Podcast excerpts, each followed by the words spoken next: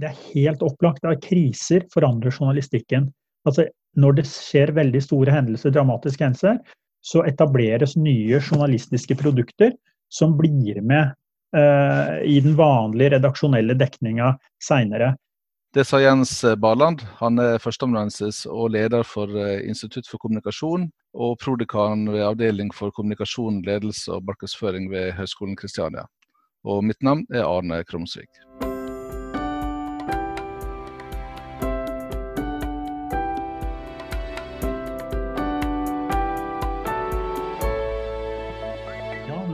Er jeg medieforsker, eh, og jeg er over 50 år. Og jeg har jobbet ti år som akademiker, og før det 20 år i mediebransjen. Når jeg tenker tilbake på hele livet mitt eh, som en medieinteressert person, så tenker jeg at dette starta jo allerede som eh, liten gutt. Jeg var akkurat den alderen man begynner å lese og lese aviser, 7-8-9 år gammel.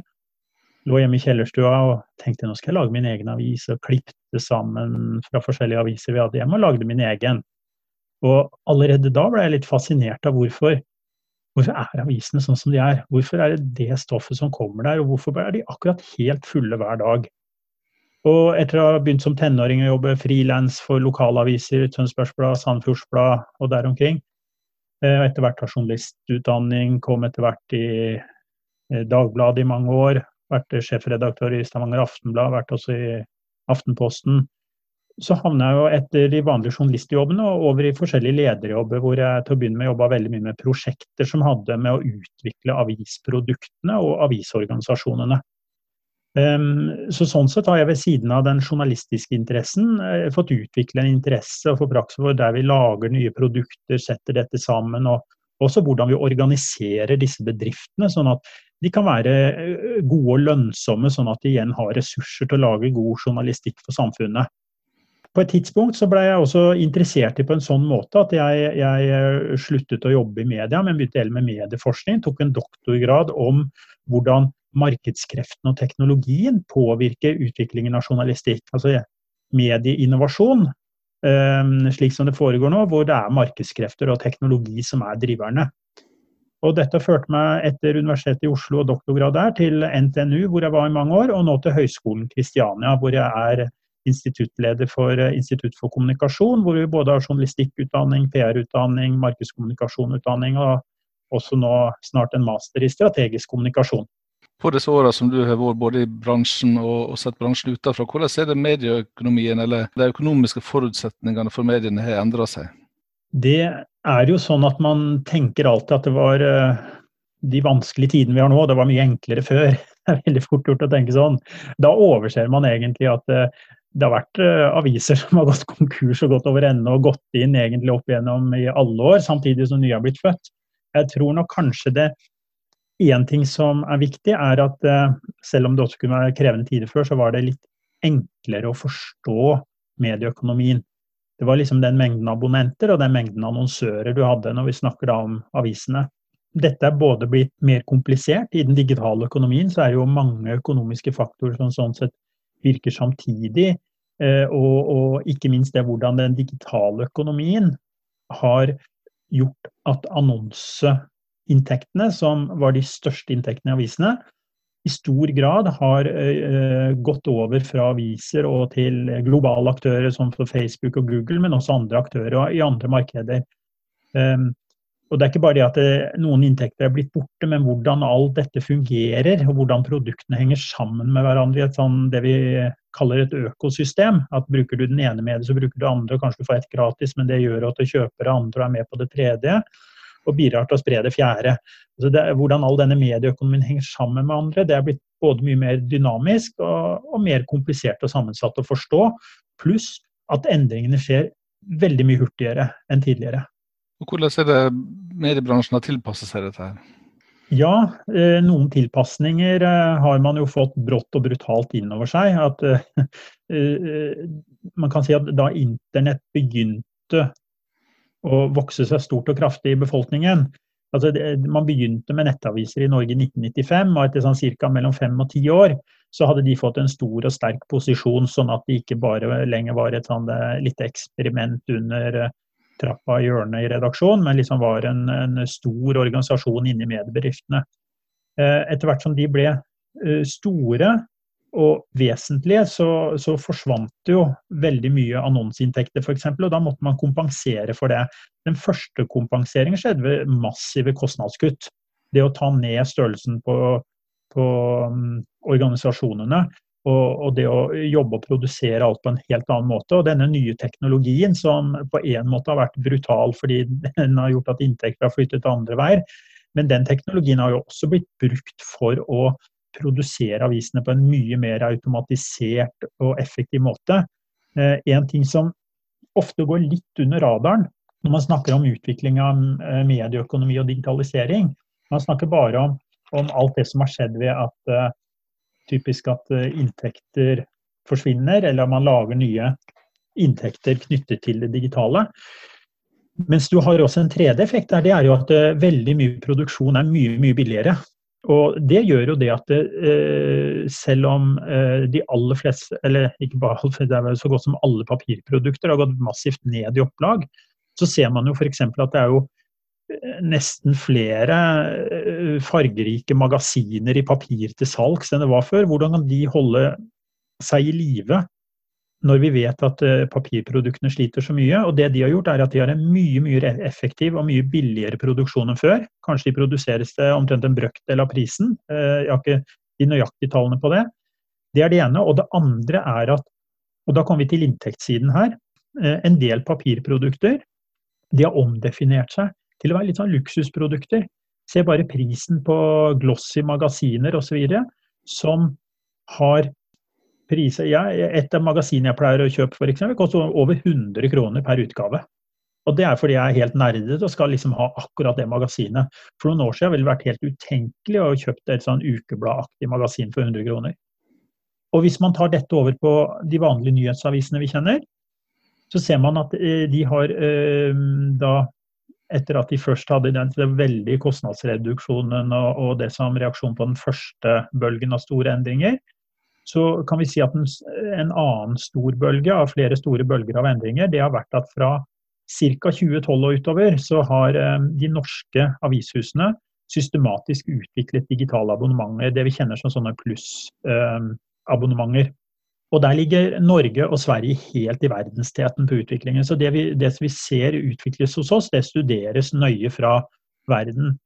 Eh, til å begynne med så eksperimenterte de norske mediene med mange ulike plussmodeller, forskjellige måter å prise det på, forskjellige prisnivåer og sånn. Og en av overraskelsene det var faktisk eh, hvordan folk var villige til å betale nesten like mye for et digitalabonnement som en papirprodukt hadde kostet før. Så man kunne faktisk ta seg litt høyere betalt enn det man innledningsvis trodde.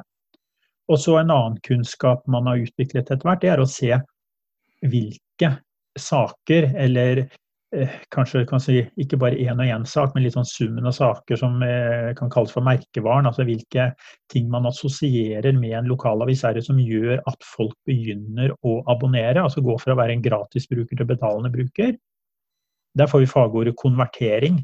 Altså konvertere brukere over til å bli betalende brukere. Det er liksom blitt en egen kunst man har um, utviklet.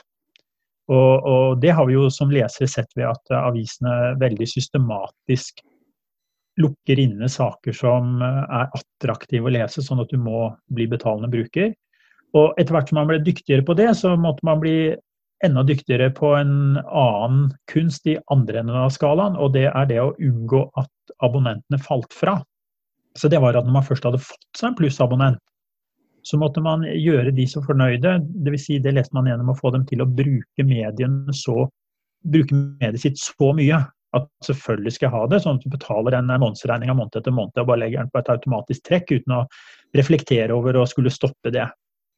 Eh, og sånn de driver mediene nå, stadig utvikler ny kunnskap og, og, og, blir dyktigere og dyktigere på det å skulle holde på de, på de betalende lesnerne. Og, og, nå for tiden så handler det også om datahøsting og segmentering, og det å kunne forstå leserne sine på et gruppenivå eller individnivå, for også tilpasse det man gjør. Uh, I noen tilfeller helt ned på individuelt nivå, sånn at du får den nyhetstjenesten. Vi kaller det ofte til og med nyhetstjeneste som det digitale, i stedet for en avis lenger. Eh, som gjør at du skal være fornøyd og fortsette å bruke dem. Jo, også én ting til med det. Det er det at Eh, vi ser også Der driver jeg på med forskning som vi nå ennå ikke har publisert, men som vi, vi har datasettene og driver og skal publisere snart. Eh, men kan bare si at et hovedfunn er at vi ser at nå når de norske mediene legger mer og mer vekt på brukerinntektene abonnementene, så ser vi at over en, når vi ser dette over mange år, så ser vi at det har vært en veldig eh, massiv, vi kan nesten kalle det en aggressiv prisøkning på de eh, abonnementsprisene som eh, gjør at man har gått fra å ha et ideal om å ha billige aviser til salgs, eh, prøver å selge de digitale abonnementene til en eh, relativt god pris, som gir dem gode inntekter og gjør at de får kompensert noe av bortfallet av, av annonseinntekter også. Apropos bortfall av annonseinntekter, så er det vel slik at når pandemien slår oss her, så forsvinner enda flere annonseinntekter? Ja, hvis man ser helt nærsynt på utviklingen i mediene nå våren 2020, når pandemien kom for alvor, så, så ser vi at det er en del eh, medier som har signalisert at eh, de har fått et voldsomt raskt annonsefall. For der slår jo inn hele, for det første hele næringslivet. Uh, som har sine reklamer. og for å si Hvis butikken er stengt, så har det ikke så mye hensikt å, å, å drive på med reklame. Så mange bransjer som har vært utsatt for for nedstenging. De slutter med sin reklame. Tenk hele reisesektoren f.eks. som det, det har ingen hensikt med de å drive med reklame nå, de har ikke råd til det heller. Eh, og så har du i tillegg til en veldig godt betalt av, av annonseinntektene, så er jo stilling ledig-annonser vært en veldig godt betalt segment. Og veldig mye av stilling ledig reduseres også massivt i disse tider med permitteringer eh, osv. Eh, og vi ser også at noen medier nå har begynt å permittere folk, særlig sånne medier som har en veldig stor andel av inntektene basert på annonseøkonomi. Da kommer vi vel opp i et lite dilemma da, mellom det å skulle eh, informere så godt som mulig og gjøre mest mulig innhold tilgjengelig for, for alle, og behovet mer enn noen gang for å ta betalt. Den debatten har jo blomstret opp. Um, det er jo noen som eh, sier ja, hvorfor kan ikke alle nyhetene være gratis nå når nyhetene er så viktige for oss ikke sant, i disse koronatider. Um, og Det er jo bare en litt sånn spiss og skarp versjon av den litt sånn generelle debatten hvorfor kan ikke nyhetene være gratis. Fordi i bunn og grunn så er jo dette informasjon som, som er et offentlig gode. Noe som vi trenger i demokratiet, at vi er velinformert for å diskutere godt og riktig og opplyst og kunne ta de gode valg enten i hverdagslivet eller når vi skal stemme på politikere. Men i andre enden så er det sånn at det, eh, eh, hvis vi ser på dette liksom konstitusjonelt, altså hvordan dette er form, utformet i Grunnloven og det norske samfunnet, så har norske medier i god demokratisk ånd fått eh, full frihet. Pressefrihet har vi. Eh, men en annen side av den pressefriheten er at da får dere også finansiere dere selv. Får frihet til å, å, å informere samfunnet, og dere får frihet til å drive forretningen deres. Sånn at i utgangspunktet så, eh, så lever disse som egne kommersielle bedrifter som eh, på et eller annet vis enten selger nyheter eller selger annonser som finansierer nyhetene, eller som vi ser, en miks av dette. Så er det et par unntak. kan nevne selvfølgelig, Vi har NRK som det aller største medbedriften. Den er statseid og statsfinansiert nå over skatteseddelen. Og så er det noen goder til eh, norske medier, som et, en momssats på null når de selger nyheter. Og uh, også produksjonsstøtte, som det ofte er snakk om, men som i den sammenlignet med, med inntektene de får fra markedet, er egentlig ganske små penger. Men det er penger som kommer veldig mange av de aller minste mediene til gode. Så det, det betyr mye for at uh, si, hver kommune og hver bygd også har sine medier. Så, så, så litt sånn statsstøtte Men i de store tallene så finansierer mediene seg selv med markedsinntekter. Og ja, de gir oss et offentlig gode. Men hvis ikke de eh, skal kunne drive forretning og skaffe seg inntekter, så vil de heller ikke kunne gi oss det offentlige gode. Og Der er et dilemma, der er et spenn. Og det dukket jo opp et tiltak nå fra Amedia, som er den største sammenslutningen, altså største medieeierkonsernet av lokalaviser i Norge. De tror jeg eier ca. 73 lokale medier i Norge, pluss Nettavisen de innførte nå et sånn uh, koronarelatert tilbud, hvor de sier at ok, hvis du abonnerer på én av våre aviser, så får du tilgang til alle. Og da har de på en måte eh, for det første sikret seg eh, det at de beholder noe abonnementsinntekter, og kanskje til og med lokker noen inn, noen nye inn, samtidig som de imøtekommer det å gi en breiere og mer omfattende nyhetsdekning til sine kunder. Og det kan jo være relevant da, for folk som eh, har lokal interesse. Ikke bare for stedet du bor, men kanskje for stedet hvor du kom fra, hvor du har familie, andre steder du har familie, eller kanskje det stedet du også har hytta di, hvor det skrives om, om lokale ting som er viktig for deg. I en sånn krisesituasjon, eh, det er vel grenser for hvor mye du kan ta inn over det av den type nyheter? Absolutt. Altså, Én ting er at eh, nyhetene er sånn at vi, vi leser selvfølgelig det vi er interessert i. Og så ligger det jo algoritmer bak. Eller først datahøsting, da. Eh, som ser hva vi leser. Altså en algoritme som er en del av et program som vi kan programmere til å gjøre for seg hva som helst, men som særlig sosiale medier er eh, programmert til å å gi deg mer av det du viser interesse for. Og til en viss grad i forskjellige varianter fins det også i, i, nyhetene. sånn at hvis du leser mye om én type stoff i en avis, så får du mer stoff om den opp på nyhetssidene der. Men særlig sosiale medier, det kjenner vi jo fra Facebook. Du, du får et individuelt innhold tilpassa det du har vist interesse for, bare mer og mer og mer.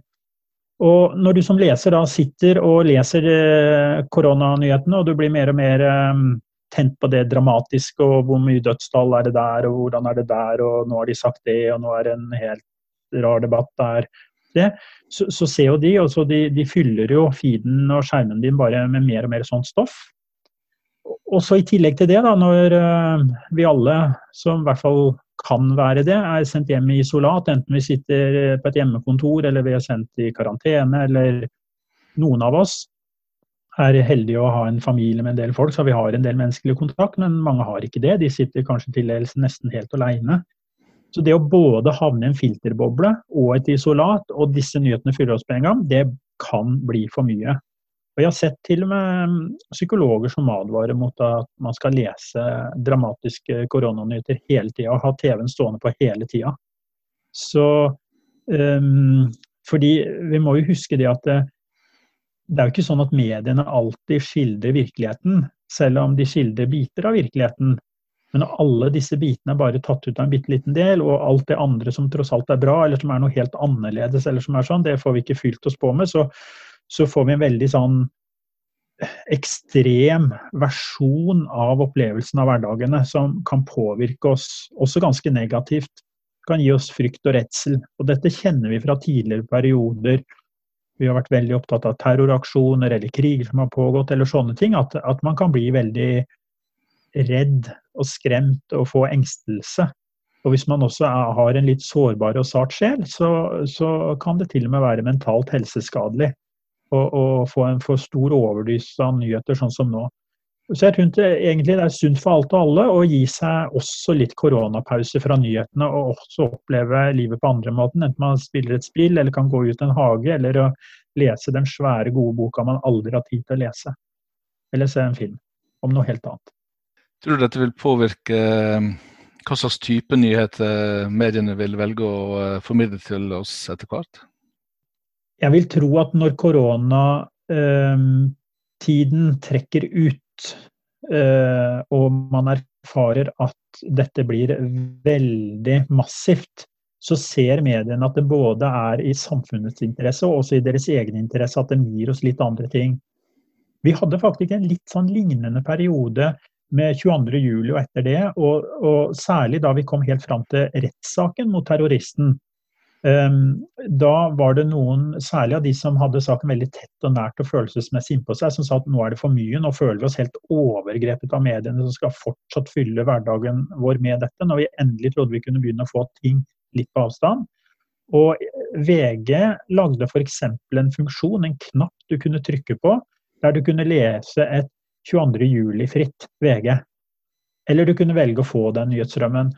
Eh, det er et eksempel på at man da lagde eh, to alternative forsider tilpasset en, om man hadde en sånn eller sånn følelsesmessig kobling til en sak. Og om man ikke gjør det akkurat på den måten, så vil jeg tro at mediene kanskje lager funksjonalitet fremover der du kan velge å være i litt eh, koronafrie soner for å få annen type medieinnhold. I sånne krisesituasjoner så, som vi i innovasjonsteorien kanskje kaller disruptive hendelser, eh, så er det ofte at det oppstår nye måter å jobbe på som får følge for hvordan en jobber også etter krisene. Har du eksempler på slike endringer? Det er helt opplagt at kriser forandrer journalistikken. Altså, i, når det skjer veldig store hendelser, dramatiske hendelser, så etableres nye journalistiske produkter som blir med i den vanlige redaksjonelle dekninga seinere. Uh, uh, tre raske eksempler som bare kommer på i farten, for det er mange flere eksempler enn som så. Men bare sånn som én ting. Da Orderud-saken, dette trippeldrapet på slutten av 90-tallet, skjedde, så uh, oppsto det at man fikk en live, altså et levende i tid, direkte direktedekning skriftlig av hva som ble sagt i rettssaken. Så liksom alt som ble sagt, ble publisert levende online. Og det er et, liksom et format som er blitt med seinere. Og de som utviklet det, de, de bruker dette det, altså De henta et verktøy de hadde lagd for, for direktedekning av fotballkamper, og så ble det videreutvikla der. Og, og, og, dette ligger nå i, som en del av utviklingen av f.eks. Eh, direktedekning av, av sport og andre hendelser der. Og så hadde vi en annen hendelse det var tsunamien eh, i 2004 i eh, Sørøst-Asia. Eh, der fikk vi dette som vi kan kalle, eh, som på engelsk medieforskning kaller for crowdsourcing. Altså eh, massenes og publikums bidrag til informasjon. For det som skjedde da, var det at eh, f.eks. en liten ting, da, VG de lagde da en søkemotor som undersøkte alle mulige sykehus og institusjoner og sånn navnelister de, de, greide å finne i Sørøst-Asia. Så kunne også en norsk leser, enten du var i Thailand eller du var i Norge, skrive inn navnet på sin, den personen de leita etter, så kunne du få opp om den var registrert et eller annet sted i systemet der ute. Og eh, din, det, navnet var jo selvfølgelig en eh, personopplysning bare mellom deg og det dataprogrammet, så det ble jo aldri publisert noe som helst sted. Men eh, de som hadde lagd søketjenesten, de satt jo med navnelisten og kunne undersøke. Og de fant ut på et tidspunkt at det var noen og 80 navn som norske folk spurte etter som man ikke fant svar på. Så ut fra den logikken så var det det antall nordmenn som var savnede på. Akkurat den dagen så opererte norske myndigheter med over 900 savnede. Og Da satt de i redaksjonen og trodde har vi tatt helt feil. Og når de fikk tatt ei uke og man fikk justert og samla og fikk rede på den offentlige informasjonen, så viste det seg at eh, VGs søkemotor var bare én person feil. Mens den norske offentlige antagelsen fra Utenriksdepartementet den gangen, den var over tigangeren feil. Og Det var sånn bevis på at det går an å drive med datahøsting, eh, publikumsinformasjon og sånn og sånn og videre, og få til det. Eh, da det var svineinfluensa, alle skulle få vaksine, og det offentlige ikke greide helt å gi god opplysning om ja, men hvor og når og hvordan kan jeg få eh, tatt en vaksine, så ble det lagd en sånn folke, eh, folkeinnsamla, hvor alle kunne si hvordan er det i ditt nærmiljø. og Til sammen så hadde man registrert veldig kjapt i løpet av ett eller to døgn omtrent 99% av Norge om hvor er det nærmeste jeg er på skolen, helsestasjon, hvor er det, hvor er åpningstidene, hvor er køordningen osv. Så, så, videre. så man informert om det. Eh, og Det var en tjeneste myndighetene ikke greide å få opp. Eh, og Hvis vi tar det mm, i litt nyere tid, et annet eksempel det er jo f.eks. da vi hadde den revolusjonen i Egypt hvor det viste seg at Og det var selvfølgelig et lokk på alt som var av informasjon og eh, ren propagandakrig fra, fra alle stridende parters side, for det pleier det å være. Men det, da ble jo Twitter veldig viktig. Twitter og andre sosiale medier. Veldig, for at man fikk masse informasjon om hva som foregikk på denne store plassen i, i, i Kairo, hvor, eh, hvor opprør og revolusjon hadde sitt uh, senter. Eh, og, det ble helt avgjørende for både at det internasjonale samfunnet fikk kunnskap om hva som skjedde, og for den journalistiske dekningen av, det. Og Det ser vi også det, at, eh, at disse eh, omfattende bruk av sosiale medier eh, og datahøsting fra det er veldig viktig. Og, men da ser man også det at en del av en krig, det er gjerne også at myndighetene går Noe av det første de gjør, det er å stenge ned de sosiale mediene, så vanlige folk ikke skal kunne kommunisere med omverdenen eller med medier. Dette er eksempler på kriser som har forandret journalistikk, og at den forandringen er blitt med det journalistiske arbeidet etter at krisen også er over.